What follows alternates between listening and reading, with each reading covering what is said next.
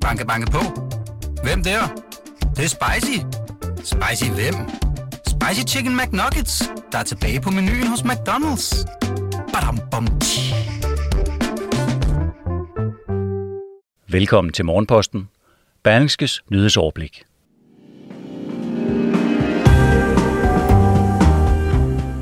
Det er fredag den 20. august. Mit navn det er Morten Olsen, og jeg er klar med det daglige nyhedsoverblik med historier og begivenheder, der former din hverdag. I dag der skal det blandt andet handle om, at antallet af tyverier stiger markant i hovedstadsområdet, og Gentofte Kommune er en af de kommuner, der er hårdest ramt. Og så er der bekymring for, at den hurtige evakuering af afghanere til Danmark kan udgøre en sikkerhedsrisiko. Men før vi når så langt, så skal vi til noget helt andet. Vacciner dine børn imod corona, eller forvent, at de bliver smittet. Sådan lyder opfordringen fra en række eksperter til danske forældre i politikken. Det europæiske lægemiddelagentur har godkendt Pfizer og Moderna-vaccinerne for børn ned til 12 år, og de danske sundhedsmyndigheder anbefaler dem. Men det kan alligevel være et svært valg at tage, siger Christian Weisse, der er forsker i infektionssygdomme på Aarhus Universitet. Jeg synes, at for nogle af frygten for hypotetiske, fremtidige, endnu ukendte bivirkninger af vaccinen blevet et helt urimeligt tungt lod, siger han til politikken. 45 lokalt ansatte og deres familier i Afghanistan skal evakueres. Det har et flertal i Folketinget besluttet, men det er stadig tvivlsomt, om det er muligt at få dem ud efter Taliban overtog magten i landet tidligere på ugen. Og derfor kritiseres regeringen nu for, at han nølede med sagen. Det er gået overraskende langsomt, siger Martin Markusen, der er professor i statskundskab ved Københavns Universitet. Og han fortsætter. Der er intet i vejen for, at man kunne have igangsat evakueringen langt tidligere, ligesom andre lande. Normalt i udenrigstjenesten planlægger man efter det værst tænkelige scenarie, og med situationen i Afghanistan vidste man, at regeringen kunne kollapse på et tidspunkt. Alt tyder på, at der er gået politik i beslutningen, siger han. Berlingske har lavet en gennemgang af en lang række artikler, pressemeddelelser, interne dokumenter og har talt med flere centrale kilder om forløbet. Og den gennemgang viser, at regeringen offentligt såvel som på lukkede møder i ugevis manede til ro og forsikrede, at der var styr på situationen.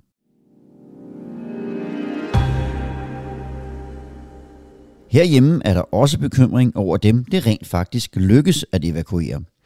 Normalt vil man sikkerhedsscreene personer, der kommer fra eksempelvis Kabul i Afghanistan, men på grund af de helt ekstraordinære omstændigheder er det ikke muligt, og det åbner for fejl. Det erkendte udenrigsminister Jeppe Kofod på et pressemøde onsdag. Og det skaber en potentiel terror- eller sikkerhedstrussel, skriver Jyllandsposten. Tidligere oberst Leif Bak Christensen har tidligere arbejdet med at sikkerhedsscreene afghanske tolke. Og han frygter for konsekvenserne af den manglende undersøgelse af afghanerne.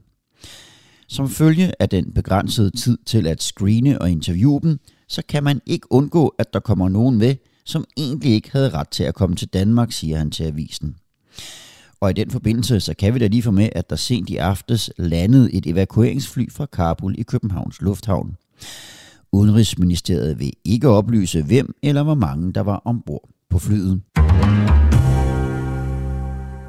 Så skal vi til en historie, som vi har valgt at give lidt mere plads i morgens nyhedsoverblik, og det er også en af Berlingskes store historier i dag. Det er historien om, at indbrudstyvene er vendt tilbage efter at have ligget på den lade side under coronaen. Du får her et uddrag af en lydartikel, der begynder hos en borger i Gentofte.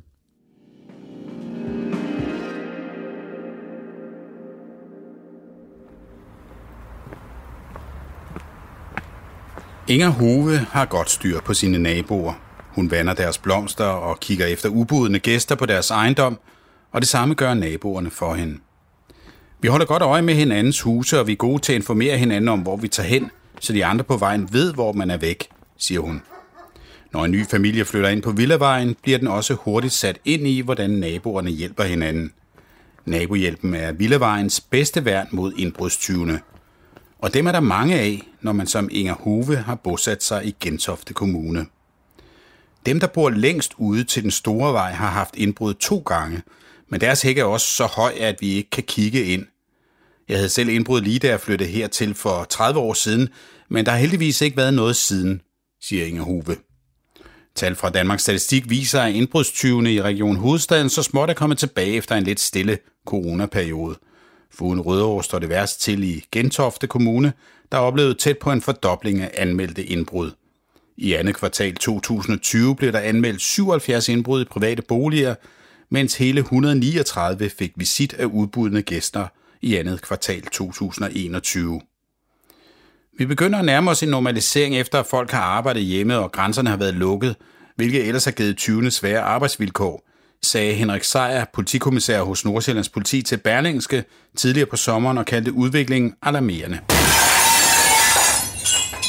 Berlingske har taget til Gentofte Kommune for at tale med beboerne om den kedelige udvikling. Hvordan folk på gaden i Gentofte reagerer på de mange indbrud, kan du høre mere om ved at lytte til artiklen i sin fulde længde på berlingske.dk eller læse den i dagens avis. De kreative erhverv kommer til at spille en afgørende rolle for væksten i fremtiden, og derfor skal de styrkes. Det mener Lars Sandal, der er administrerende direktør i Dansk Industri. Og derfor så styrker organisationen nu indsatsen for medlemsvirksomheder i de kreative erhverv på fem forskellige områder, forklarer Lars Sandal. Innovation er det, vi skal leve af i fremtiden. Vi lever af at være dygtige til at finde løsninger, og det er nødvendigt for, at samfundet også kan udvikle sig bæredygtigt, siger han. De fem områder, som der bliver fokuseret på, er internationalisering, design, patentrettigheder, bæredygtighed og digitalisering.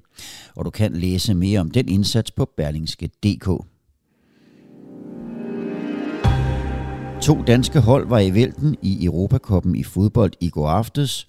Både FC København og Randers kæmper for en plads i den helt nye turnering Conference League.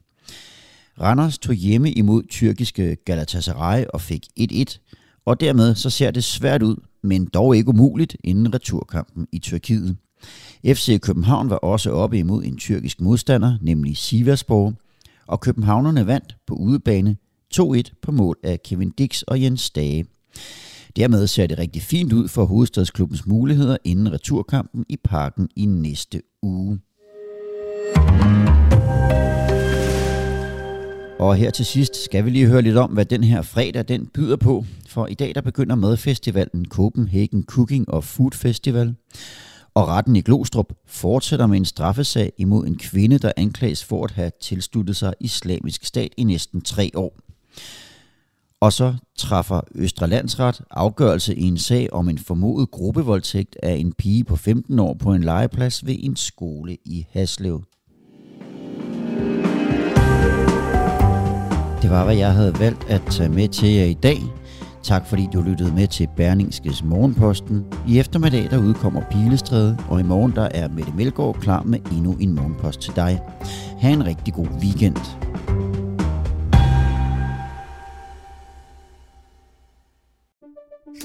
Banke, banke på.